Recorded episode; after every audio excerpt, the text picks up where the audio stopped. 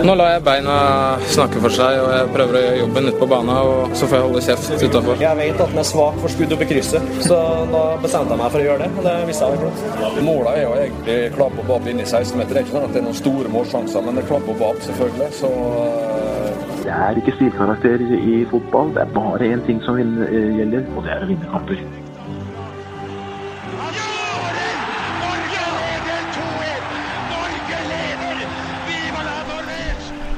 Og der er toppfotball tilbake igjen. En uh, ny uke fotball.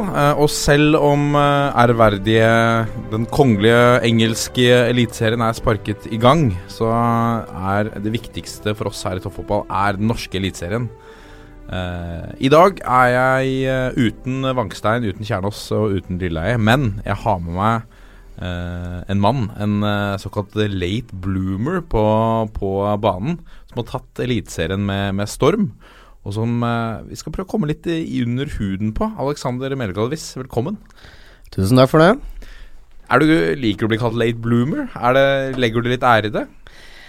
Yes, jeg har ikke tenkt så mye på det, egentlig. Det er, ja, altså, det er jo noen som kan kalle det sånn, men klart Det er jo litt tilfeldig fotball nå. Det han kunne jo fort ha fått sjansen før òg, men uh, nå fikk jeg det til slutt i, i, Lillestrøm, på øverste nivå. Det har jo vært artig, det. Ja. Og av dialekten din så hører vi at du, du er ikke nødvendigvis fra, fra Lillestrøm? Nei, jeg er fra, fra Brumunddal, da, så jeg, jeg, prøver jo å holde litt på, på dialekta mi. Så, så, du hører jo det, at uh, det er litt, uh, det er litt hedmarking i det. Ja. Vi må snakke masse mer om, om veien din uh, til en fantastisk debutsesong i, i Lillestrøm. Uh, så vi, må vi også selvfølgelig snakke om, om Rosenborg og deres uh, store slem på, på overgangsmarkedet. Men aller først tenkte jeg skulle snakke litt fantasy. Fantasy Eliteserien. vi er Jeg har vært veldig høyt på strå her, for jeg har vært best i redaksjonen. Og plutselig så viste det at Jørgen Kjernås hadde et lag han ikke hadde registrert i vår liga, og nå har han havna med sitt gung-ho på fjerdeplass med 948 poeng. Eh, det er helt uh, vanvittig. Han tok noen uh, Han tok uh, noen store steg etter forrige runde. Uh, han hadde jo ikke bytta på laget sitt siden seriestart. Så han satte opp et lag og lot det stå hele veien. Og der var til og med Moa, og Moa var på topp. godeste keeperen deres, som er satt ut ja, Som ikke er i Lillestrøm lenger. Daniel Fernandes, ja. Yes, stemmer. Mm. sto i mål, tror jeg, eller var på benken. Nå er uh, Jørgen oppe på, fjerdeplass. Uh, det er det er en alvorlig trussel for uh, Ball korridor FK, som ligger på første, med Anders Jensen. Hipsterunionen holder stand på, på andreplass med Simon Aasum. Og Louis Eirike med Eirik Nattlandsmyr på en tredjeplass. Mye poeng har du i årets Fantasy? Alexander? Nei, som jeg ser her, så er jeg oppe på 836 poeng. Så eh, hvor mye var det Kjernås hadde, sa du? Det var ja, 948. Ja, da er det et lite stykke bak. Da er du et godt stykke ned i toppfotballigaen hvis du, du melder deg inn der nå. Ja, jeg er nok det. Det er for sent å, å komme inn der nå, det? Men har du som er, altså Fantasy, er det, er det stort blant spillerne i, i Eliteserien? Ta Lillestrøm, f.eks. Ja, altså I Lillestrøm så er det jo mer populært med, med Premier League-manager. Ah. klart det. Men, eh, men, eh, det er jo noen som spiller Eliteserien Fantasy òg. Det er ikke så veldig mange av oss, men det er da noen. Så det er artig å, å følge med litt på, på deg òg. Er det liksom for de ekstra interesserte? Eller? Ja, altså um, PL blir jo Mange sier at PL blir ekstra interessant av uh, fantasy. At man uh, kan følge med på kamper som man egentlig kanskje ikke ville ha, ha sett på. Ja. Så uh, det blir jo litt sånn i, i Eliteserien nå. Klart man følger jo, følger jo godt med på det som skjer. med de laga du skal møte, selvfølgelig. Så det, jeg følger med uansett, ja, så, men det er jo litt ekstra artig med, med fantasy. Mm. Men, men uh, har du hatt med deg selv? Har du med deg selv på laget? Nå er du jo skada. Ja, nå er jeg ute av laget mitt. Altså jeg, for å være helt ærlig så hadde jeg meg sjøl fra, fra, starten av, men uh, det ble dårlig med poeng. Uh, Skåra jo første kampen. Ja, ble registrert som en assist. Det var jo fordi det ble jo et sjølmål, det, da. Ja. Men, men men ja, jeg, jeg hadde meg sjøl da, men eh, vi, vi klarte ikke å verken holde nullen eller vinne kamper, eller levere målpoeng akkurat da, så da ble det fort ut. Ja. Men nå, hvem er det hvem er, Kan du ta laget ditt, eller hvem du har på Hvem, hvem er elveren din? Ja, vi skal se her nå. Det er eh, akkurat sånn den står nå, så er det Lesjevskij i mål. Eh, og så har jeg eh, Hedenstad, Remmer og Ruud bak. Så har jeg Sakariassen, Brochmann, Erling Knutson og eh, Fredrik Haugen på midten. Og foran så har jeg Bjørn, Bergan, Bjørn Bergman Sigurdarsson, eh, Benjamin Stokke og min eh, gode venn Martin Ramsland. Martin Ramsland, ja. Stemmer det. det er en, han er fra samme traktene oppi Nei da, han er nok ikke det, men han, han er fra Mandal. Uh, oh, ja, ja. ja. Så han, men jeg har jo, jeg har jo spilt med, med han i Strømmen. ja. Så der uh, ble vi kompiser. Fordi uh, vi kan jo um, uh, Vi kan jo gå kjapt videre til din karriere. Som du er Er du Ifølge Wikipedia så var du i, i Brumunddal i to perioder. Fra 20, altså 2006 til 2011. Uh, og så et år i Kongsvinger, og deretter et år i Brumunddal. Men er Brumunddal barndomsklubben din, eller var det et annet sted? Ja, Brumunddal er, er der jeg kommer fra, og jeg har jo spilt der i, i alle år fra jeg var liten gutt, fram til jeg forlot dem i, i 2011 Nei, 2000 og, jo, etter 2011-sesongen. Mm. Så jeg hadde jo en eh, ja, 07 til 11, da, eh, hvor jeg spilte på A-laget. Mm. Og så gikk jo ferden videre etter det.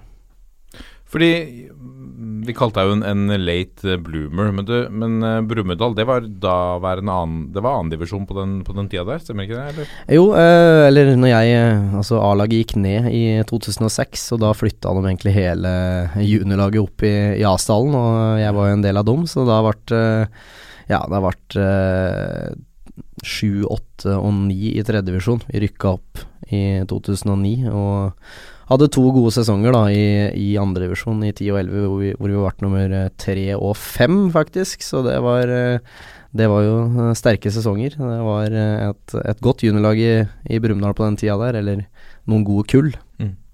Og da ble juniorlaget på en måte stammen på, på A-laget?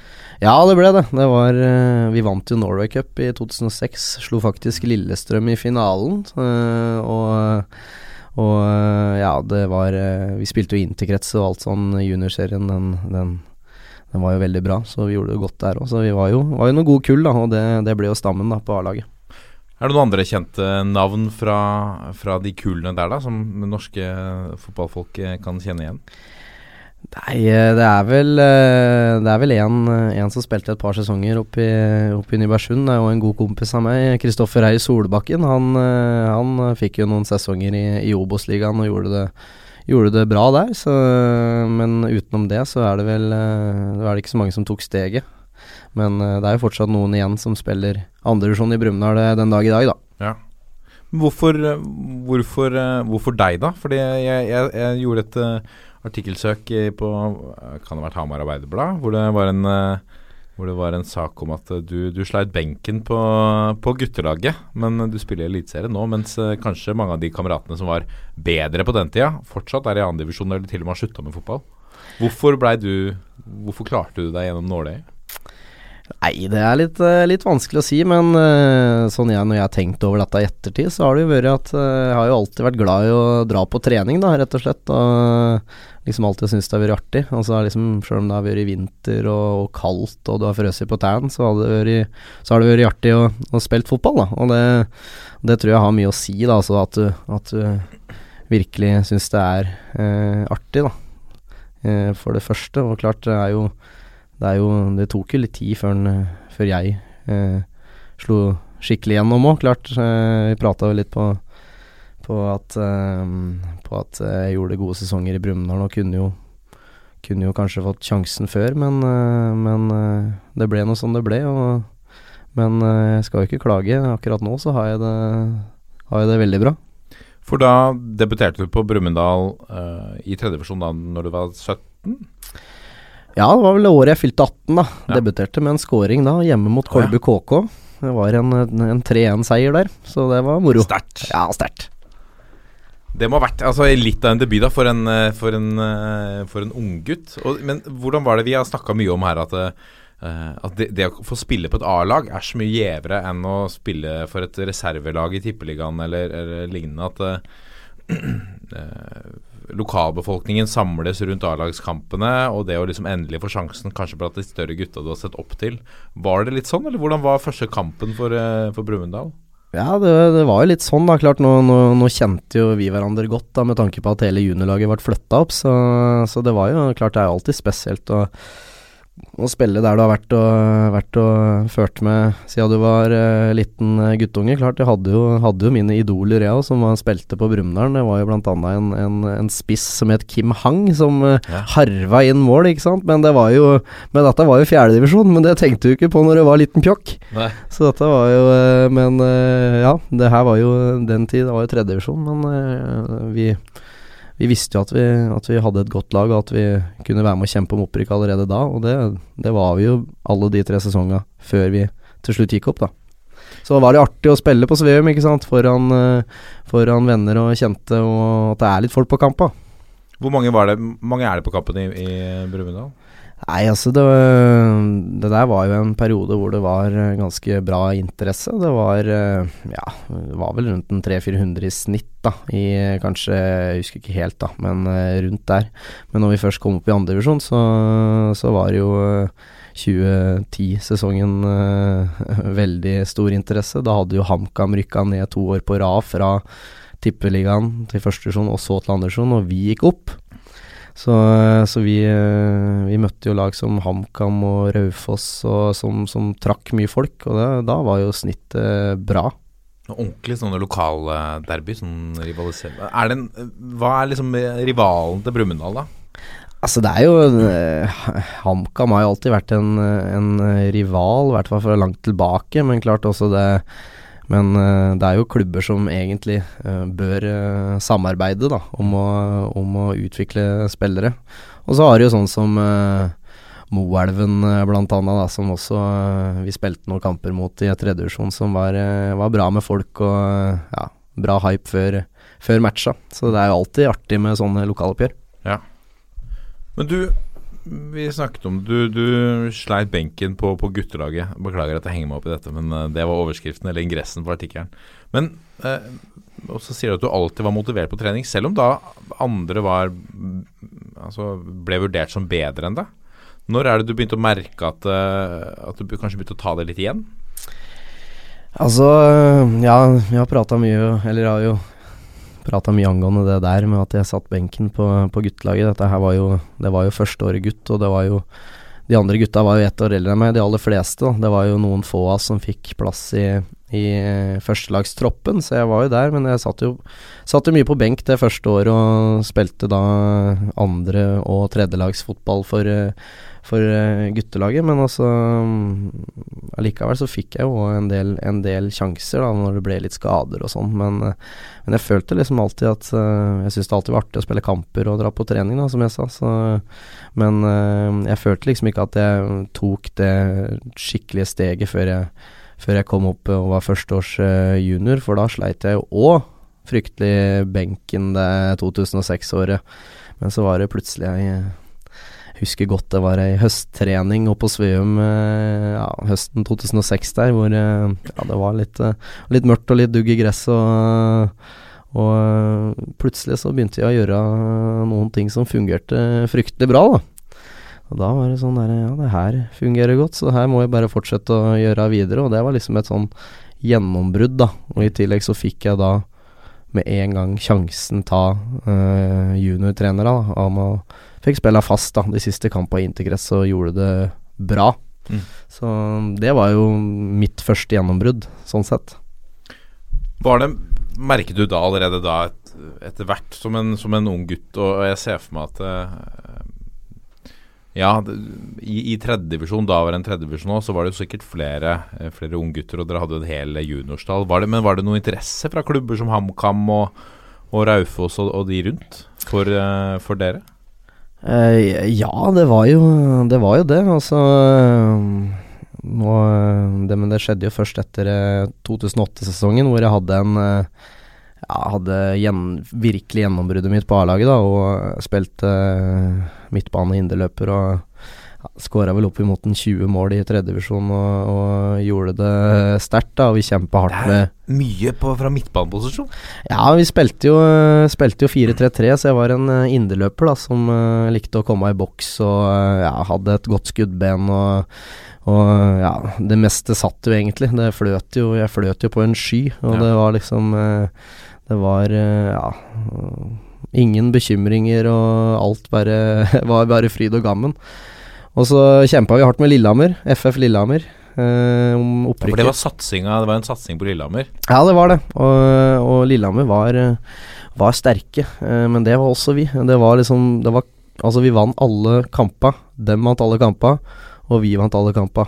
Eh, og så var det den avgjørende opp på, på Jorekstad, på gresset der en, en tidlig søndags eh, eh, ettermiddag Ja, var vel høsten eh, 08, hvor vi fikk skikkelig juling, da, 4-1, og da var jo da hadde vi ikke trua på at, uh, at Lillehammer skulle gå på en smell, da. Men uh, det gjorde det heller ikke. Men det gjorde ikke vi heller, da. Men vi endte da tre poeng bak, og ja mm, Da var jo Da viste jo Lillehammer interesse. Eh, Eidsvoll-turen, faktisk, så vidt jeg husker. Og så var det jo HamKam, da. Jeg fikk jo en Fikk jo da en, eh, en telefon fra Eller jeg tok ikke telefonen, men jeg fikk en telefon fra HamKam og Arne Erlandsen Ja. som hadde lagt igjen en, eh, en eh, ja, noe på svareren min, da. Han var, så han var på det allerede da? Han var på meg, da. Det var eh, Han ville ha med meg på trening, da, i eh, Dette her var jo hele da Ja, slutten av oktober hele november. Så eh, jeg var med litt over en måneds tid, og eh, ja Jeg følte jo at jeg gjorde det sånn ganske bra. Så hvis Ja, burde jo kanskje ha fått eh, sjansen da, men eh, dette har jeg tatt opp med Arne sjøl, så det hva, hva sier han til dette, da? Nei, han, eh, han, han blir litt sånn taus, da. Han, eh, og så sier han ja, kanskje det, sier han. Han, burde gitt meg sjansen da, men eh, sånn er det nå. Det var jo jeg og Thomas Lene Olsen var jo der og trente sammen, og at, eh, at Thomas fikk sjansen, det selvfølgelig, det var jo helt riktig, for han er jo en, en glimrende fotballspiller, det òg, på, på Norges eh, øverste nivå nå. Så Men eh, sånn sett i ettertid så burde kanskje begge ha fått sjansen.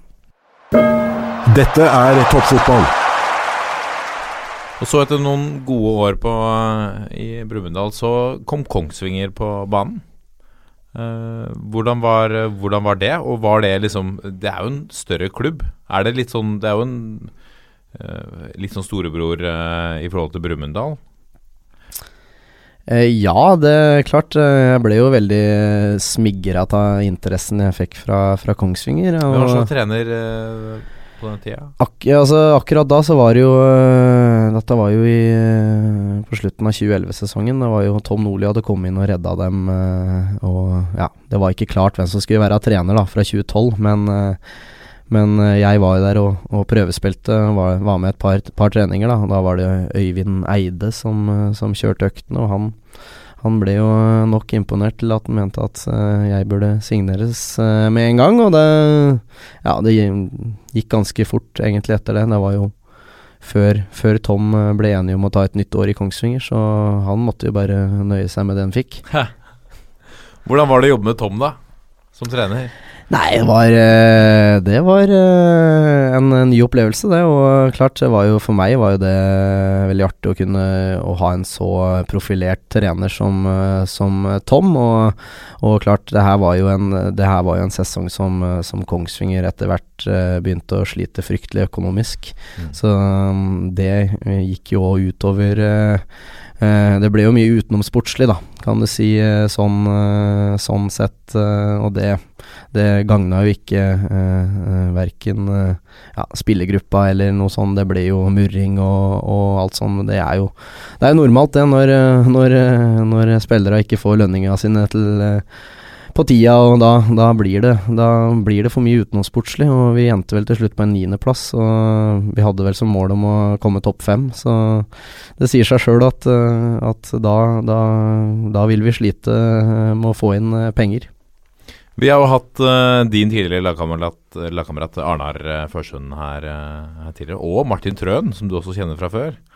Uh, Arnar snakket også litt om hvordan Nordli var som trener. Hvordan, hvordan, det er alltid interessant, for Tom Nordli er et kjent navn for mange, men det er hvordan, hvordan, er han i garderoben, f.eks.? Han, han har selv snakket om at han, han, en av hans gode sider kanskje er å se hver enkelt og vite hva han skal gjøre med hver enkelt. Hvordan var forholdet mellom eh, deg og Tom Nordli? Jeg føler at jeg og Tom hadde et, eh, et, eh, et, bra forhold, sånn egentlig. Altså jeg, jeg, er jo en sånn type spiller som, som jobber hardt og, og, må jobbe hardt for at jeg skal lykkes. Og, og jeg fikk jo etter hvert mye tillit. Når jeg, først, når jeg først fikk prøve meg fra start, så, så spilte jeg omtrent resten av kampene fra start. Og det og, og jeg tror jo Tom syns jo det var bra at jeg var en anvendelig spiller òg, for jeg ble jo brukt omtrent uh, overalt på banen. Det var vel nesten bare keeper jeg ikke var, så, så jeg tror at han satte pris på meg på, på, på den måten der. Og, og klart, jeg hadde jo Jeg hadde signert jo en treårskontrakt uh, med Kongsvinger, og det og, og hadde jo eh, alt vært på stell og, og sånn, så, så, hadde jeg sikkert vært der i flere år. Men, eh, men eh, tilbake til det med Tom, så, så, har jeg liksom ikke noe, noe å si på Jeg tror ikke han følte at jeg var noe noe, noe bajas, sånn sett. Nei. Jeg tror han var fornøyd med måten jeg jobba på trening og, ja, og alt sånn. Ja. Men du, du, signerte en treårskontrakt, men året etter, etter uh, ifølge Wikipedia 29 kamper og tre mål. Uh, du skåra ikke i debuten der òg, eller? Uh, nei, det gjorde jeg ikke. Uh, der kom jeg inn i en, i en Obos-ligakamp fra ja, første Obos-ligakampen vår den sesongen var borte mot Hødd, ja. på Hødvoll, og det var uh, Vi vant 2-0. Jeg kom inn og ja, takla litt og ja, gjorde jobben min på slutten. Ja. Men etter 29 kamper og tre skåringer for Kongsvinger, så tross på tross av denne treårskontrakten, så vendte du nesa hjem igjen til Brumunddal. Var det pga. den økonomiske situasjonen og, og sånne ting, eller hva, hva skjedde? Ja? Eh, ja, altså det er vel, var vel både Altså klart, det var sikkert mest pga. økonomi. Eh, jeg var jo eh, veldig motivert for å, for å fortsette i Kongsvinger etter det første året hadde spilt mye og var klar nå for å ta enda et nytt steg og bli en, bli en enda bedre Obos-ligaspiller. Men klart det måtte kuttes, da. Det var vel nesten 50 av, av budsjettet som måtte kuttes til året etter. Og så ble Stian Aasen tok over som trener. Han var assistent året før. Eh, Espen Nystuen kom inn. Og så, ja, det måtte jo bli kvitt noen spillere, og jeg, jeg kjenner ikke helt til historien om, om, hvorfor jeg ble var en av de som Jeg følte meg rett og slett uh, fryst ut, da. Sjøl om jeg føler jeg var en av de beste på, på trening uh, den i januar 2013. Og um, om hvem som hadde ansvaret for eh, at det skulle skje, det, det har jeg aldri fått greie på. Men all ære til, til den jobben som har blitt gjort i Kongsvinger de siste åra. Og klart det var en tøff jobb for Espen Nystuen å komme inn og skal kutte 50 av et budsjett på ja, var vel rundt 16 millioner, tror jeg, og måtte ned på en 8-9. Så han har gjort en, absolutt en god jobb, men, men jeg skulle gjerne ha vært der eh, lenger og, og, kanskje tatt et nytt steg enda før. Ja. Men var det litt sånn at de du, Var du for dyr i drift? Hadde du for høy lønn? Hva ja, altså det var sikkert Det var sikkert lønn målt opp mot kvalitet, da. Sikkert det, det de tenkte. Altså jeg hadde jo en hadde jo en, en, ok lønn, men det var jo andre spillere som tjente vesentlig mer enn meg, etter hva jeg visste og, og, og hørte. Så klart, men, men de, måtte, de, måtte, jo kutte, og, og, hvorfor det ble sånn det ble, det, det får de ta på sin kappe. jeg kunne gjerne ha blitt videre og, og spilt i Kongsvinger, jeg. Men isteden så kom du tilbake til Brumunddal som en hjemvendte sønn, frelseren som skulle ta de til nye høyder. Ja. Hvordan var det øh, å komme tilbake? Det må ha vært litt gøy, det òg? Ja, ja, klart. eh, Altså, eh, når det, når det ble som det ble, så, så gikk jeg på kontoret til Nystuen og, og sa at eh, ja, jeg kan jeg kan uh, stikke hjem til Brumunddal. Ja, for du, ja. det var du som tok initiativet til det? Jeg tok initiativet til det til slutt, da. For uh, som jeg sa, jeg følte at jeg gjorde det godt på trening og alt sånt, men når vi kom til, vi kom til det at vi skulle spille treningskamp og kjøre formasjonsøkter og sånn, så ble jeg liksom bare satt eh, på det motsatte laget. Ja, uten at jeg følte jeg fortjente det. Så, så klart, jeg var en, jeg var jo en gutt på en ja, 3-23, 2-23, og klart det var jo Det var jo sikkert eh, Tenkte at det var lett eh, At jeg var lett bytte, da, kanskje. Og til slutt at jeg ville da kaste inn håndkleet og, og, og vende nesa et, et annet sted. Men eh, ja, så eh, jeg var jo i, i dialog med Brumunddal og sa jo at jeg kan være villig til å, å komme hjem eh, og være med å hjelpe Brumunddal opp igjen. For de hadde jo prestert å rykke ned når jeg var borte, så dette her måtte jeg rette opp i. Fantastisk. Men, men for, for du hadde ikke gjort det for hvilken som helst klubb? Liksom, eh, var det kjærligheten til, til Brumunddal som du også tenkte at da kan jeg Når situasjonen er som den er i Kongsvinger, så er det ett sted man kanskje vil dra? Eller hadde du andre tilbud samtidig? Ja, altså det var jo eh, Jeg var jo litt i Hadde jo litt sånn eh, dialog med Kisa òg, altså med sportssjefen der.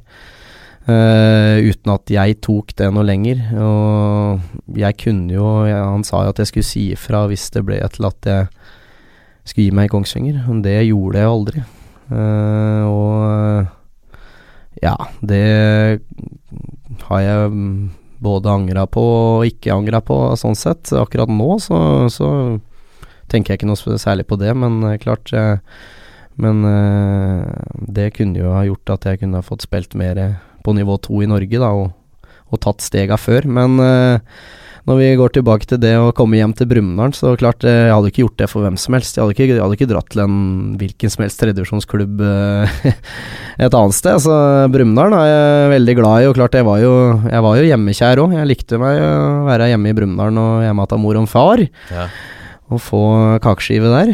Så ja, det ble, det ble et eh, ganske enkelt valg å, å stikke hjem igjen. Og, og da var selvfølgelig Det var ikke Da var selvfølgelig målet opprykk. Jeg dro ikke hjem for å slutte å satse fotball. Sjøl om mange sikkert tenkte jo det, da. Nå er han ferdig. Ja. Men eh, jeg ville Jeg ville hjem og, og hjelpe Brumunddal opp igjen, og, og det klarte vi med glans.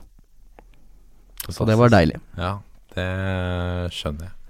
Og da var det der, du kom hjem, eh, gjorde jobben, dunka inn Var det da du dunka inn 20 kasser? Nei, det var, i, det var i 2008, det her. Så det her var noen år etterpå. Jeg skåra noen mål. eh, Men du står oppført med 19 skåringer på 47 kamper. Ja, 13 og 14. Ja, Ja. ja, det ble noen kasser da òg. ja. Men eh, jeg, var- ikke like målfarlig som jeg var i de sesonga før der. Jeg skåra fryktelig mye fra 07 til 11. Ja. Så du har alltid hatt, selv om du har spilt Men, men eh, du har spilt på TV, hvor er du har spilt eh, mest? Har du vært mest på midten og, og i backrekka? Eller? Jeg har vært, vært mest på midtbane. Og så eh, jeg har spilt mye i lag som har spilt 4-3-3, og da har jeg spilt eh, enten sentral eller eh, innerløper. Er det drømmeposisjon?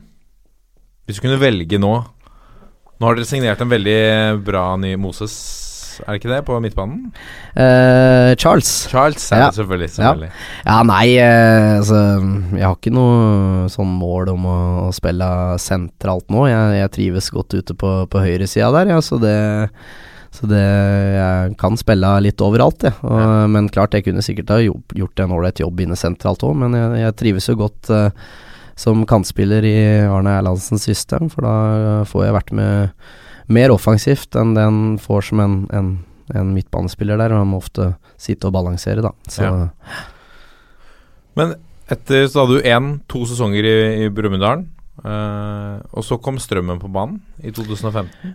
Ja, altså, de kom vel ikke på banen, men jeg, jeg tok og øh, Jeg sendte en melding til Espen Olsen på, på Facebook. For jeg hadde jo nå flytta til Oslo og begynt å studere på BI, og tenkte jo at eh, nå hadde jeg ikke lyst til å pendle mer opp til Brumunddal og, og spille fotball. Nå hadde jeg lyst til å komme tilbake på, eh, på i hvert fall på Obos-liganivå. Og da ble det til at jeg kontakta han, og så fikk jeg komme på prøvespill sammen med ja, var vel det var vel en 15-20 prøvespillere eh, den eh, høsten 2014 der, og det var vel kun jeg som fikk kontrakt, så, så han, eh, han ble vel imponert over den så da. Vet du, Hva ble posisjonen din på, på Strømmen?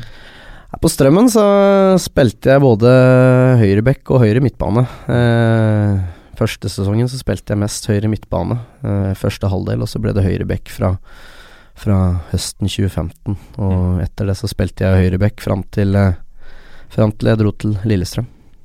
Hvordan er strømmen? Hvordan var det å være i strømmen? Hva husker du? Martin Trøen var her og snakket om at det er et veldig godt, en veldig god garderobekultur. Ja, nei, eh, fantastisk eh, klubb. Eh, folka rundt klubben, eh, spillergruppa, trenere. Uh, veldig fin klubb, og uh, det er riktig det Martin sier, at uh, det var et fryktelig godt miljø i garderoben der. Det, det, var sjelden det var stille. Fantastisk. Og der var du to sesonger, og så fikk Arne Erlandsen etter mange forsøk endelig endelig has på deg, eller det vil si du fikk tilliten til Arne Erlandsen? Jeg vet ikke hva som stemmer best? ja, det, det, kan vel stemme det, at jeg fikk eh, Eller han prøvde jo å hente meg til Kisa før 2012, han også. Ja. Så På tredje forsøket? Ja, eller første forsøket, så var det jeg som ville til HamKam. Ja. Han eh, han eh, Ja, jeg vet ikke hva det var, jeg, men i hvert fall så fikk jeg ikke tilbud da. Fikk tilbud av Kisa 2012, før 2012 sa nei, dro til Kongsvinger. Og så ble det et nytt forsøk eh, slutten av 2016, og da ble vi enige, og, og siden har forholdet vært, eh, vært bra. Ja, ja, det er godt å høre. En slags uh, fotballromantisk historie hvor liksom man på tredje forsøket der så, så finner dere hverandre. Uh, herlig. Hvordan, men hvordan skjedde dette? Altså, Som fotballspiller så må det være en, en drøm Du som hadde et mål om helt sikkert å spille på Eliteserien. Hvordan Fikk du telefon fra, fra Erlandsen, eller hvordan er det hele Hvordan forløp det seg? Ja, nei uh, Jeg fikk uh, Det var vel Torgeir Bjarmann som kontakta Strømmen, da. Og og klart, de hadde, har jo alltid hatt en, en tett dialog, Strømmen, altså Olsen og, og, Lillestrøm, da. Så det, det, var en dialog der. Og så De ville jo ha meg på, på trening. Men uh, i den tida så, så jobba jeg, og hadde liksom ikke muligheten til å komme så mye. Men jeg fikk meg en fridag, da, og var med på ei økt, og det var liksom Jeg tenkte jo tenkte jo at det, det, her var jo egentlig ikke et prøvespill, tenkte jeg. Tenkte det var mer å vise meg som person, og for uh, kvalitetene mine, de, uh, de, burde Lillestrøm ha sett når det er en klubb rett borti hugget som, uh, som, jeg har gjort det bra i. Så, men det, det, holdt, det også. Det, var, det gikk bra på den økta, og, og etter det så, så begynte ja, forhandlinger. Og da, men, men, det må ha vært en Hvordan var følelsen da du skjønte at ok, her nå blir det Eliteserien på, på meg? Ja, jo, klart. Det er, eh, det er, en deilig følelse, det. Jeg hadde jo aldri fått et tilbud av en, en tippeligaklubb før, så, så, det Jeg kjente jo på det. Altså, klart man er jo Man, eh, man tenkte jo at hvis, hvis, det her hadde gått i vasken, eh, så, så hadde jeg jo sikkert angra resten av livet. Så, så det, er en, det er en god følelse, det, å tenke at nå nå skal du kun drive med det du elsker fra, fra januar av, og, og, det har vært uh, fryktelig deilig. Vi må snakke litt om Nå er du, uh, du uh, skada. En skade som uh, i utgangspunktet så veldig ille ut. Du, du så ut til å miste hele høstsesongen omtrent. men så fikk du plutselig her for to uker siden en, en kjempenyhet om at dette så mye bedre ut. Ja, nei, eh, altså Det skjedde jo i den treningskampen mot Sarpsborg eh, som vi hadde her eh, i, i, sommer, og, hvor jeg skulle skyte, og så sklei, sklei benet unna, da, så gresset eh, ble borte. Og så vrei jeg, vrei jeg egentlig hele kroppen og kneet inn, men eh, det gikk utover eh, et leddbånd i ankelen. Og så, så følte jeg meg egentlig eh, fin, da, altså, altså dagen etter og et par dager etter, da. Og vi tenkte at eh, ja, det her bør, bør gå greit, men vi tar et bilde sånn tilfelle og melder inn skaden, da. Og så, så får jeg beskjed om at eh, altså et leddbånd har eh, røket, da. Altså fremre syndesmosen hadde røket, og det det kom jo litt veldig stor overraskelse, egentlig, med tanke på hvor, hvor bra jeg følte meg. Så men eh, vi, måtte jo, vi måtte jo videre til en ekspert for å finne ut om dette her skulle opereres eller ikke. Og, og klart, vi, når vi var der, så så han på bildene òg, og, og, han mente da at det fortsatt hang, hang litt sammen, da. Og så det det virka jo For folk kunne jo ikke gå etter ni dager, og jeg hadde jo prøvd å løpe, og alt var fint etter ni dager.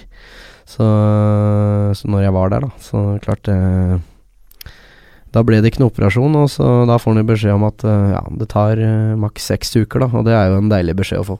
Ja, fantastisk, for det er ikke noe men uh, du kjenner på nå, nå er det sikkert litt enklere, men, men det å gå skada som, uh, som, fotballspiller, det er ikke den morsomste Nei, altså, jeg har jo vært griseheldig, jeg, da. Jeg har jo aldri vært uh, skada, så det her er jo den mest alvorlige skaden jeg har hatt. Men samtidig så er det jo ikke noe Det er jo ikke noe kjempealvorlig skade, så men klart, og hvis den skal gå hele, hele, seks uker uten, så det er jo litt kjedelig. Men, øh, men øh, det begynner å, å, se bra ut. Jeg løp for fullt på mølla i dag, jeg, så det Vi får se hvor fort det her går, men målet er i hvert fall å være klar til uh, 10.9., hvor vi skal møte Haugesund borte. Ja. Så er det jo selvfølgelig Vålerenga i helga og en cupkamp etter det, så vi får se om en kanskje får med seg noe av det òg. Det hadde vært deilig, det. Ja, for apropos til eh, helga, så, uh, så møter dere Vålerenga. En spesiell kamp. Bittert å gå glipp av. Ja, klart. Uh, det er jo ja, Nå har jeg vært forberedt på at jeg skal gå glipp av den, da. Og så får vi se nå, når jeg skal prøve meg litt, da, om det, om det er muligheter for å få være med. Men klart, uansett så er det jo Kan du bli kan det være aktuell? Yes. det er litt vanskelig å si. Altså, jeg, jeg tror ikke det. Men, uh, men uh, nå har ikke jeg testa det ennå. Men uh, det er jo sånn å løpe rett fram og alt sånn på mølle og sånn. Det er jo Får liksom ingen reaksjon etter det, da, og det er jo veldig positivt. Mm. Så klart, det går jo på Det går jo på hvor vondt det er, da. Får bare teipe meg litt rundt hugget da, og, og tåle det. Sånn som uh, unga til Erlandsen har lært meg, er at, uh, at smerte sitter i hugget. Okay. Så eh, da er det bare for meg å teipe rundt huet. Ja, ja, ja. Og da er det ok, da. Da Kanskje. burde det funke. Da burde det funke. Ja, vi bør funke, da. Du hadde en god kamp med en assist i 3-1-tapet forrige match. Er det Bor det et, eh, er det et revansjesug som preger eh, garderoben i Lillestrøm? Snakker dere mye om denne kampen frem mot disse oppgjørene mot Vålerenga? Ja, så klart. Det jo Det blir jo, det blir jo litt prat på det. Det er jo, det er jo for uh, både klubben og fansen og alt, så er jo det her uh, årets uh, kamp. både å møte Vålerenga hjemme og borte. Så klart det, det svir jo å, å tape mot Vålerenga. Så, så jeg er 100% sikker på at, at det er en fryktelig revansjesugen gjeng som, som går ut på matta klokka seks på, på lørdag. Men du var jo selv og så eh, kampen mot eh, Tromsø, Vålerenga-Tromsø, 0-0. Ble du skremt av det du så på Ullevål? Nei, eh, jeg ble jo ikke det, men, eh, men også lokaloppgjør, det lever sitt eget liv. Også du kan skyve form til side. Det her er det, er det den som eh, vil mest, som, eh, som tar tre poeng. Hvis du Dette er en morsom øvelse. Jeg har prøvd å få få spillere her til å, til å gjøre det samme før. Hvis du skal Hvis du måtte velge en spiller fra, fra Vålerenga eh, og sette den inn på Lillestrøm-laget, hvem ville du, vil du plukka ut da? Uh, nei, si det. det. det. kom veldig brått på her. Ja. Uh, nei, jeg, jeg, kan ikke kan ikke gå rundt og si det. Vi er fornøyd med de vi har, og det er det bedre enn Vålerenga. Altså, politisk eh, korrekt svar, altså. Ja, Men du hadde vel blitt halshugd hvis du hadde sagt noe annet, kanskje? Ja, kanskje. Ja. Uh, det blir en, en spennende match. Disse rivaloppgjørene er, er, uh, gir noe ekstra. Uh, og for deg som har vært vant med kampene mot HamKam og, og Raufoss, det må være noe litt ekstra spesielt. Men, men, du kjenner vel spenninga også, selv om du ikke er utpå der kanskje til, til lørdag? Ja, det er jo verre egentlig å sitte og se på dette her. Så jeg satt jo og så på jeg har jo sett, sittet og sett på kampene nå, og jeg var jo der når de møtte Tromsø hjemme i, i cupen her, og det var jo Det var jo ulidelig spennende mot slutten her, og så klart, det var jo deilig at de dro dro det i land til slutt. Så nå er det på tide med en ny, ny seier i, i Eliteserien, så vi, vi, går for tre poeng hjemme mot Vålerenga. Ja. Men apropos apropos Ja, apropos Lillestrøm. Det blir jo dumt å si, men sesongen i år har, eh, har vært en litt sånn berg-og-dal-bane for Lillestrøm. Dvs. Si det gikk veldig mye opp og ned i starten, eh, og så veldig mye ned. Og nå virker dere å klore dere fast og finne dere til rette litt på midten av tabellen. Eh, hva er det som har skjedd på den, på den tida? For det er ikke Altså, i starten av sesongen her så satt vi og snakka om at kan, kan Lillestrøm rykke ned? Fordi det, dere begynte så bra med 2-1 hjemme mot uh, Sandefjord i 100-årskampen. Uh, og så fulgte det en lang rekke med, med, dårlige resultater i tida etter det. Hva er det som har skjedd i den perioden? Uh, ja, det er som du sier. Altså, det var jo en periode der hvor det var, var mye tap og, og uavgjort og ja, få seire, da. Så klart Altså, det, det, snudde jo egentlig eh, borte mot, mot Rosenborg. Erling Knutson ble uh, flytta opp som spiss. Og Udo, uh, Udoji, uh, ble mellomromsmannen, som er en veldig fotballklok og god spiller. Og, og det, det, ga oss større trussel offensivt. Vi, vi kom til flere sjanser. Eh, ikke at vi ikke kom til mye sjanser før, det gjorde vi òg, men da klarte vi aldri å sette dem. Eh, men nå, nå, kom vi til enda flere sjanser, og i tillegg så begynte jo Knutson å skåre mye mål en periode der, og samtidig som, som lag og ja, ble en bedre dynamikk i, i laget. Så uh, mye av noen få endringer, da. Ja, for det var jo i Nå vet jeg ikke helt hvordan ståa er akkurat nå, men det var en periode det laget i Eliteserien som skapte flest sjanser. Dere skåra aldri. Dere ja, var vi var jo det i starten her, så var det jo ofte det, viste statistikken, at vi, at vi skapte flest uh, sjanser. Og så uh, ja, skåra vi jo veldig, veldig få. Mm. Så ja. Det, det endra seg etter den kampen, og dette her var jo 20. mai, 100-årsjubileumskampen til Rosenborg, og vi klarte å få med oss et resultat, 1-1, oppi der. Og etter det så har vi vel kun tapt to kamper, og det var mot Vålerenga borte og Godset borte nå, nå i helga. Så, så, det har vært en, en lang rekke med, med, mye gode resultater. Og, og, så lenge vi fortsetter å, å tape så få kamper og, og, og vinner og, får med oss poeng, så så skal nok ikke, skal ikke Lillestrøm ned, nei. nei. Nei, nå ser det jo Nå er jo situasjonen en helt annen. Uh, hvordan er Arne Erlandsen uh, De gangene jeg har snakket med han, en, fremstår som en, en sindig, rolig mann uh, med gode svar. og gjør sitt beste for å ikke ikke til, altså til journalistenes store frustrasjon. Han bidrar sjelden til noen store tabloide overskrifter. Eh, hvordan er han i, i garderoben, f.eks.? Si dere har hatt en dårlig første gang. Er han eh, rolig og sindig da, eller kan han fyre av en, en tekopp eller to i, i, mellom veggene?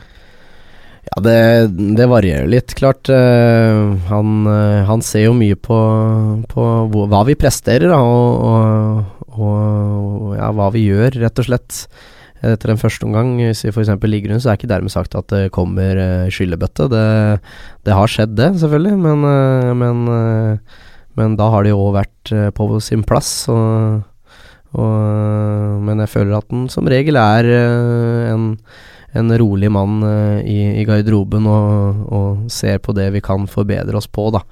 Men du ser jo, ser jo Arne på, på sidelinja i kampene. Han er jo veldig aktiv. Mm.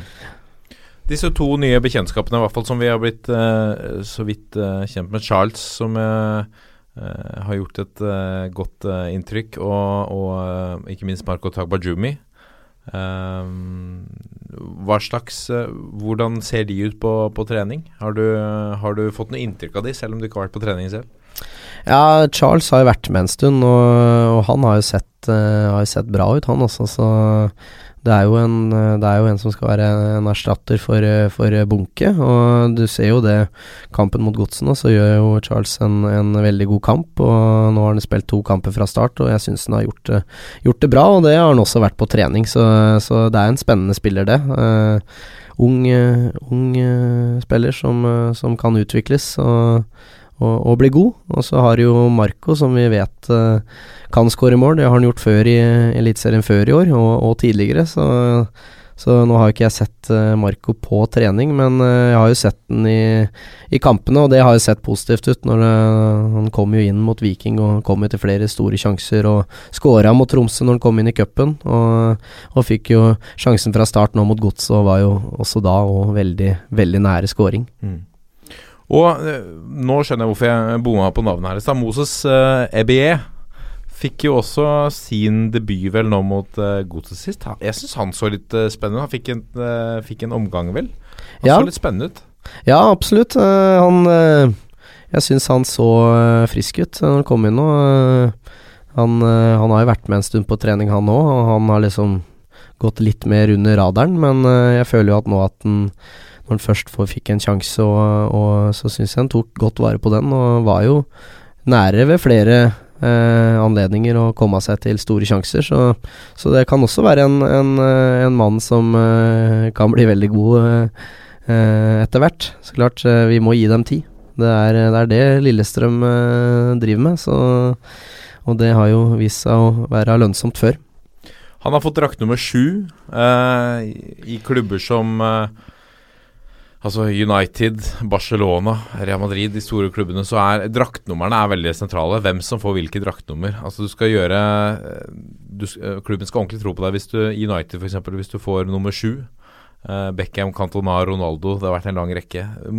EBE har gått, fått nummer sju i, i Lillestrøm. Er det litt på samme måte der? Altså eh, Jumi har fått nummer ti.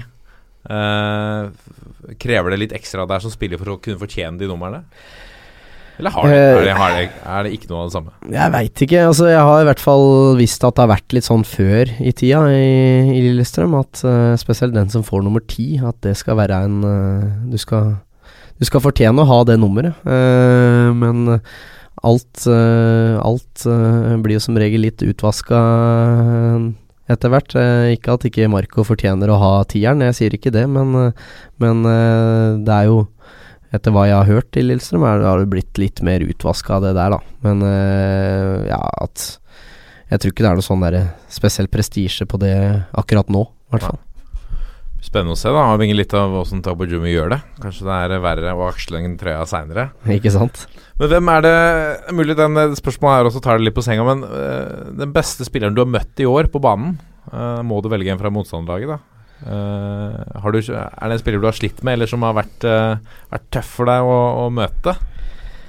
Jeg syns alltid det er litt vanskelig, altså sette seg ned og, og tenke over, over det. Altså, klart du møter jo mye, mye gode spillere, men jeg klarer liksom ikke å, å ta ut én som jeg føler liksom har- Oi, han har ikke klart å han har ikke klart å beherske i det hele tatt, så det liksom, jeg syns det er litt vanskelig da å alltid å plukke ut hvem er den beste spilleren du har møtt i år, hvem er den beste spilleren du har spilt mot noen gang.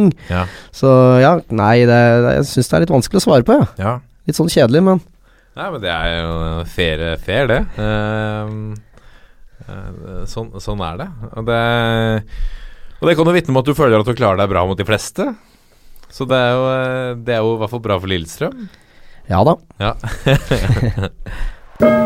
Dette er toppfotball.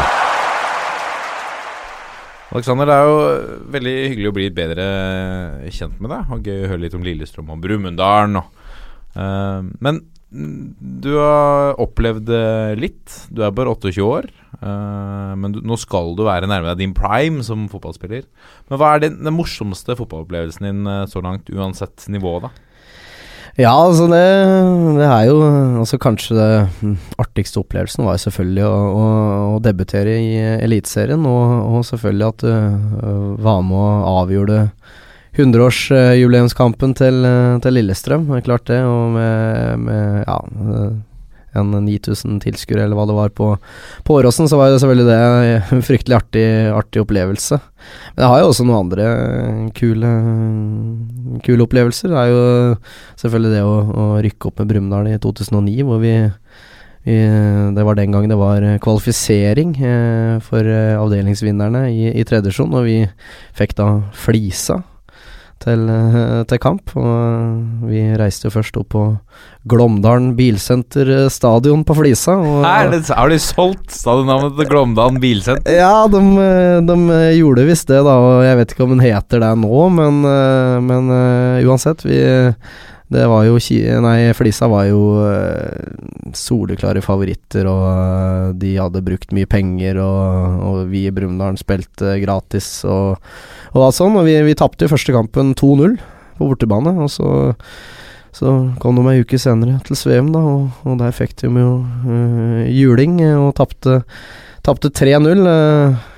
jeg skåra 2-0-målet, og broren min, Øyvind, han skåra 3-2, eller altså 3-0-målet, da. 3-2 sammenlagt på overtid etter en corner, så det var jo Fantastisk. Lillebror, storebror? Storebror. Øh, han er fire år eldre enn meg. Uh, så klart det var, det var, artig, og da var det jo full fest og fyr og flamme i, i Brumunddal sentrum uh, med øltelt og alt, så det var jo helt For en, Men det må være helt uh, Altså, jeg ville tenkt sånn Ok, hvis jeg ikke skulle scora det målet sjæl, og broren min hadde gått og gjort det for en, for en, fest det må ha vært for eh, familie Megalvis. Ja, det er klart. Det var, eh, det var artig for uh, mutter'n og fatter'n òg. At to, av, to, av, tre sønner kom på skåringslista. Vegard mellomste, han, han spilte, jo ikke, spilte, jo ikke, den kampen. Og han, men, han var i stallen, han òg? Ja, han var med i A-stallen i Brumunddal i noen år, han òg. Men han, han Fikk ikke like mye eh, tillit, men han, han var med, han òg. Så klart, det var jo hele familien uh, koste seg godt nede i Brumunddal sentrum. Den, uh, den uh, var vel den 17. oktober 2009, hvis jeg ikke husker helt feil. Ja, ja så har vi jo òg selvfølgelig året etter. Så da var jo HamKam rykka ned to år på rad, og vi skulle jo møte HamKam på, på Briskeby. for første gang på ja, var vel rundt 25 år vi møtte dem i seriesammenheng. Det var, ja, var vel 4600 på Briskeby. Men var det sånn at folk fra Brumunddal dro til HamKam for å se eliteseriefotball og sånn, eller er det ikke det båndet Jo, eh, det var i hvert fall for min egen del, så eh, i storhetstida, altså som jeg har opplevd da, på Hamar eh, Etter opprykket i, i, 2003, så var jo 4, 2004 og 2005 under Ståle var jo to veldig eh, gode år. Og klart, eh, da reiste jeg jo mye på, på Briskeby, og, holdt jo med HamKam. Og det er klart, jeg ønsker jo HamKam alt, eh, alt, godt, og håper at de skal rykke opp i år òg. Men klart, når vi, når vi fikk eh, muligheten til å spille mot HamKam, så klart det var jo veldig spesielt, og det var artig. Og når det kom såpass mye folk på Briskeby den gangen, og Brumunddal skulle liksom være et lag som ja, skulle kjempe om å holde plassen, da, for det var jo ofte tøft å rykke opp fra tredje til andre divisjon på den tida der. Men vi hadde jo, hadde jo, mye bra spillere som allerede hadde et, et godt andredivisjonsnivå inne. Og ja, det, jeg husker ikke helt hvor mange minutter det tok, men det var et langt Vi hadde en som kasta fryktelig langt da, på den tida der. Et par, par-tre stykker var det faktisk. Ja. Eirik Olsen. Han, han kasta Hevde omtrent bollen i, ja, i mål, omtrent. Men han hevde et langt innkast, og så var det jeg som gikk opp, da. og Ivar Rønningen kom litt på sida, men han ble et par hakk for små i lufta. Så jeg du slo Ivar Rønningen i lufta, men altså eh, du er en god fotballspiller, men du er jo ikke, du ikke utprega høy. Nei, jeg er ikke det, men jeg har alltid vært øh, god i lufta. Altså god spenst og timing mm. har mye å si. Og jeg fikk satt et kne inn i hofta på Ivar Rønningen, så han ikke klarte å hoppe opp sjøl. Og da var det bare Ivar. Uff, ja, stakkar Ivar. Han fikk noe vondt da, men jeg har, jeg har, sett et fryktelig fint stilbilde av akkurat dette der. Hvor Ivar Ivar ah, alle, Du ser det, hvor vondt den har da i ansiktet. Altså, ja, jeg fikk i hvert fall ballen på, på skallen og, og fikk stussa han i mål, og da, da ble det 1-0. Og Ja, vi vant jo til slutt denne kampen 2-1. Uh, HamKam HamKam uh, ja, jeg, jeg husker, tror jeg de skåra 1-1, og så var det Andreas Løseth Johansen som satte inn 2-1 på, på slutten av kampen, og det var jo selvfølgelig en, en, en stor opplevelse eh, på den tida. Og vi hadde jo også en hjemmekamp mot HamKam som var helt vill. Da. Det var 3300 på Sveum, og da er det mye folk der. Altså, da er det oppover hele skråningen og, og, og alt. Og klart det var moro. Og den kampen vant vi òg 4-3. Og Det var en helt Over sånn storebror. Ja, vi- altså, to Eller så seks poeng mot HamKam, og, og vi ble nummer tre. HamKam rykka jo opp den sesongen, men uh, jeg tror ikke de likte å møte Brumunddal da, altså. Nei, åpenbart ikke. Og det er eh, ja, noen sånne David mot Goliat. For det, det er jo Det blir jo nesten det. Brumunddal mot uh, HamKam. Tradisjonelt sett, i hvert fall David mot Goliat. Ja, det er klart Og da var jo ikke avstanden så stor. Nei, det var jo ikke det. Uh, klart, eh, men bare for to, to sesonger før da, sant, så var jo HamKam i, i Tippeligaen i, i 2008 og rykka jo ned. Og så rykka det ned i 2009, og to år på rad. Og da klarte vi selvfølgelig da å komme opp, da. Så det var jo Og så HamKam var jo så fjernt et par sesonger tilbake for Brumunddal. Tredjedivisjon, Tippeligaen. Mm. Og så bare to år senere så skjer dette der. Nei, det var moro. Ja. Hvem er den rareste fotballspilleren du har spilt med, da? Ja, det, altså, dette har jeg tenkt fælt på, da, men uh, altså, det er jo Det er jo den rareste fotballspilleren uh, kan komme på. Eller sånn, det er, jo ikke det er Eller fyren. noen- fyren? Ja, Rareste, rareste fyr? fyren. Også en, en, en morsom fyr, da. Altså, han er rar, men allikevel er en kjempefyr, da. da. Da tenker jeg jo da på altså, en jeg spilte med i Strømmen, som heter, heter Stian Rask. Ja. Han eh, har du kanskje hørt om, har jo spilt i Mjøndalen og, og litt sånn Ja. forskjellig. Han var jo med på denne serien eh, Alle gutta. Ja, ja, ja. Var jo en av disse der figura der, da. Han var jo, var jo litt i sentrum der òg, men altså, han er jo en eh, Altså en, en en veldig, veldig fin fyr, da. Altså på en veldig positiv måte. Men han er jo litt sånn der rar òg, vet du. Han eh, han, eh, altså han er jo en, en knallbra mann å ha i, i garderoben, sånn sett, men altså det er sånn Det skal liksom alltid Det skjer noe hele tida, da. Okay. Og så Hvis jeg skal ta et eksempel, da, så er det jo Så er det liksom eh, Treninga er klokka tre på Strømmen. Ja, han kommer, og så er det sånn der, har han det litt sånn der eh, travelt, da. Og så etter treningen Altså, jeg har bestilt et bord nede på fiskeriet til, eh, til klokka ti over eh, fem, da. Og så trener vi da til sånn der klokka fem, da, og så er det alltid sent ute. Det er liksom Det skal liksom alltid skje et eller annet. Det virker ikke som han klarer å å, å ta det med ro. Det er liksom alltid noe som skal skje, men altså det er, han er så morsom, da. Og så er det Så var jo det en, en, en ting her i fjor òg, da, hvor han ja, nå vurderer å, å legge skoa på hylla, da. Det er som alltid en vurderingsfase etter hver sesong, da. Og så ender det opp med Skriver ny toårskontrakt! Ble det isteden. Altså, nå er de jo her, har de et halvannet år i strømmen, da, og er liksom alltid i vurderingsfasen. Jeg Er så glad i å finne på andre ting, ikke sant. Elsker å være sosial med venner og, og alt sånt. Nei, han er en, eh, en herlig fyr som, eh, som også har blitt en, en, en god kompis. Så eh, Stian er en, er en kjempemann. ja. Fantastisk. Ny toårskontrakt på Stian Rask. Ja, han må signere. Han må signeres. Espen Olsen, du hører meg. Ja. Hvem er din norske favorittspiller gjennom tidene, da? All time. Ja, altså jeg eh, Jeg er jo eh, født i 89, og, og noe av det første skikkelige fotballminnet var jo når Norge var i VM i 98. Og, og klart, da var jo, da var jo Myggen en, en spiller eh, som eh, ja, En fantastisk spiller som, eh, som jeg satte stor pris på. Samtidig som laget var jo utrolig godt. Men, eh, men Myggen, det Han var en artist Ja. som, eh, som var gøy å se på. Ja. Så han er jo en av de som jeg har eh, Som jeg syns var veldig artig på den tida der. Men samtidig også, når jeg ble litt eldre, så Og jeg er jo Tottenham-supporter, så Steffen Iversen var jo også en jeg, en jeg var stor fan av. Han eh, Jeg var jo og så han scora på White Hart Lane. I, ja, var vel tidlig på 2000-tallet. Møtte Newcastle. Skåra 1-0-målet før pause. Ble 3-1-tap, dessverre. Ja. Craig Bellamy. Fantastisk den kampen for Newcastle.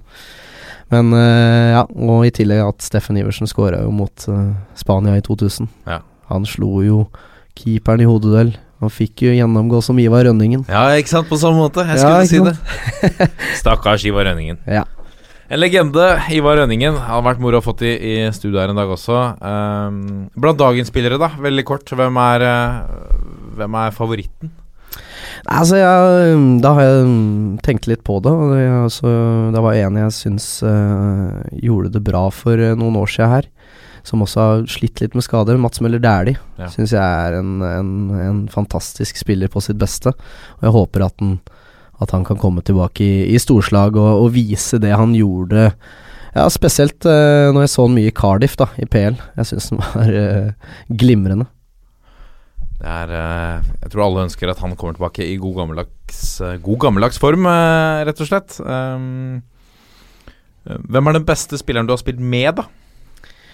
Ja, det er jo en, en jeg spiller med nå i dag. Kanskje en av Eliteseriens beste spillere. Det er han Ifani Matthew. Ja. Han er Altså, han er god. Altså, han Han gjør som han vil uh, på trening, uh, som regel, og er jo en, ja, er jo en fantastisk spiller som, som kommer til å nå langt. Det er det liten tvil om. Og så har vi denne faste spalten vår hvor vi har bedt deg om å sette opp uh, de norske, fire norske fotballstjerners middag. Hvor du selvfølgelig er en av, en av gjestene. Du skal invitere tre, tre stykker. Kriteriene bestemmer du helt selv. Hvem er det du har plukka ut, Alexander? Ja, så det her er altså, Det kunne jo vært så mange, så mange som kunne ha vært med på, dette, på denne middagen her, men jeg, jeg måtte jo velge noen. Og så Da har jeg valgt uh, to spillere som jeg spilte med i Strømmen, og så er det en som jeg spiller med i, i Lillestrøm. Og vi kan jo begynne med han, han i Lillestrøm. Det er jo eh, også eh, en av Norges mest kjente fotballnavn, eh, Frode Kippe. Kapteinen. Han, eh, han eh, måtte jeg ha med. Han er en, eh, en kjempekar, og, og vi trives godt i hverandres selskap, så det her Det var det ikke noe tvil om at han, han måtte være med på, på denne Maddan her. Og så har jeg jo i tillegg en, en skikkelig skrue som, som jeg hadde i strømmen et Ja, var vel et års tid. Markus Brandsrud, som nå spiller i Sogndal. Det Altså, maken til øh, energi øh, på den gutten, det, det skal man lete lenge etter. Også en, en, god, en veldig god venn. Og, og en som altså, altså, spise en middag og ha en koselig kveld med, og så få i oss noen, noen kalde enheter, så, så har vi det helt konge sammen. Ja.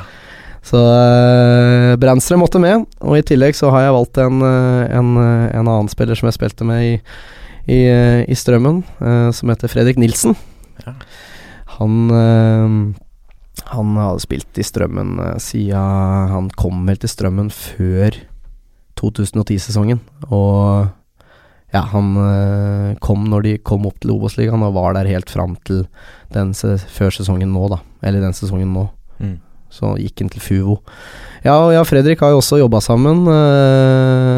han han skaffa meg et intervju og, og eh, Hvor da? Hvor uh... Jeg har en, en, et digitalbyrå i, i Oslo som heter Responsive Media, og, og gi dem litt uh, Reklame? Litt, litt reklame her òg. Altså et byrå som hjelper eh, i all hovedsak andre eh, bedrifter med markedsføring. Eh, ja, så eh, Og jeg og Fredrik fikk jo da selvfølgelig enda Vi var jo gode kompiser fra før, men eh, nå er jo klart eh, å jobbe sammen i tillegg, så blir det jo enda nærere hverandre, sånn sett. Så eh, Fredrik er, en, er en, en god kompis av meg, som også er en, en livlig kar, og kanskje kan holde oss andre litt i øra òg. Dette er toppfotball. Så har vi tid til et eh, par eh, lyttespørsmål, Aleksander. Alexander. Vi, vi fikk noen henvendelser da vi la ut at du skulle komme til oss eh, i dag. Eh, først eh, så lurer Vegard Brokhaug eh, på Han har eh, åpenbart etter Lillestrøm-kallenavn på Twitter, Sundgodt18. Eh, hvorfor valgte du nummer 33? Du har jo drakt nummer 33 i Lillestrøm. Ja, det, det er det noen som har spurt om. Ja, jeg får vel ta historien på det, da. Altså, det, er, eh, det var ikke helt tilfeldig. Altså Etter at jeg flytta til Oslo og litt sånn, så, så er jeg, jeg er en mann som er glad i å, å se fotball, og, og gjerne fotball på pub. Ja. Og, og i, på Grünerløkka så er det en eh, pub som heter Sport 33. Er det sant? Har du Og Fortsett. Bare fortsett. Ja, nei, så da, så da ble det til at uh, Altså Da ble det til at jeg valgte det. Med litt grann press fra noen kompiser, og litt sånn som jeg ofte var med litt der, da. Så klart, eh, 33, det, det er en, en, en fin eh, sportspub. Og hyggelig å sitte, og møter ofte mange hyggelige personer å prate med. Så eh, en litt eh, artig historie. Fantastisk. Kafé 33, altså. God, ja, nå heter det Sport 33. Ja, endra til Sport eh, 33. Jeg Ja. sier jo 33. ja. 33 sier du selvfølgelig. Så har vi Vegard eh, Bjørgå, eh, som lurer på om du velger det latviske landslaget om muligheten byr seg. Eh, fordi den muligheten har du, for du har en bestefar som er fra Latvia, stemmer det? Det stemmer. eh, ja, altså mm, det, det kommer helt an på. Altså eh, jeg, Vi er i dialog eh, med det latviske eh, forbundet. Eh, det ene Altså det faller egentlig kun på om jeg, om jeg får muligheten til å få dobbelt statsborgerskap i, i Norge. Eh, eh, søker jeg om å få pass i, i Latvia? Får jeg det? Det veit jeg at jeg får, det har de sagt. Men eh, vi er i Eller vi må jo prate litt med, med UDI og, og vite litt åssen mulighetene er for det, da. Men eh, får jeg det her, så, så er det jo ikke noe, problem for meg å ha det. Det vil ikke være noe Altså, det blir verre, og jeg vil ikke si fra meg det norske statsborgerskapet. Det, det kommer ikke til å skje. Men anser du sjansen for å spille på Latvias landslag som større enn norske per i dag? Eh, ja. ja. Veldig, veldig mye større mulighet for å, for å spille der. Ja. Så øh, de er vel nummer 130 eller noe på Fifa-rankingen, og ja, de, øh, de ligger vel sist i, sin VM-kvalifiseringsgruppe nå, bak lag som Færøyene og Andorra. Så Ja. klart øh, så klart det bør jo, det bør jo være muligheter. Spennende. Uh, hadde vært eh, gøy å sette deg for Norge også, men uh, da må Lars Lagerbäck få ut fingeren. Ja, det, det hadde vært selvfølgelig det beste, men, uh, men jeg, jeg anser vel den muligheten som, som ja, veldig vanskelig å, å, å komme inn der, da.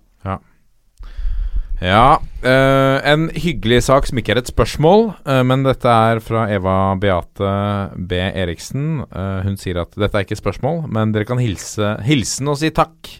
Det var da Alex ble LSK-spiller at jeg kom i kontakt og møtte det som i dag er kjæresten min.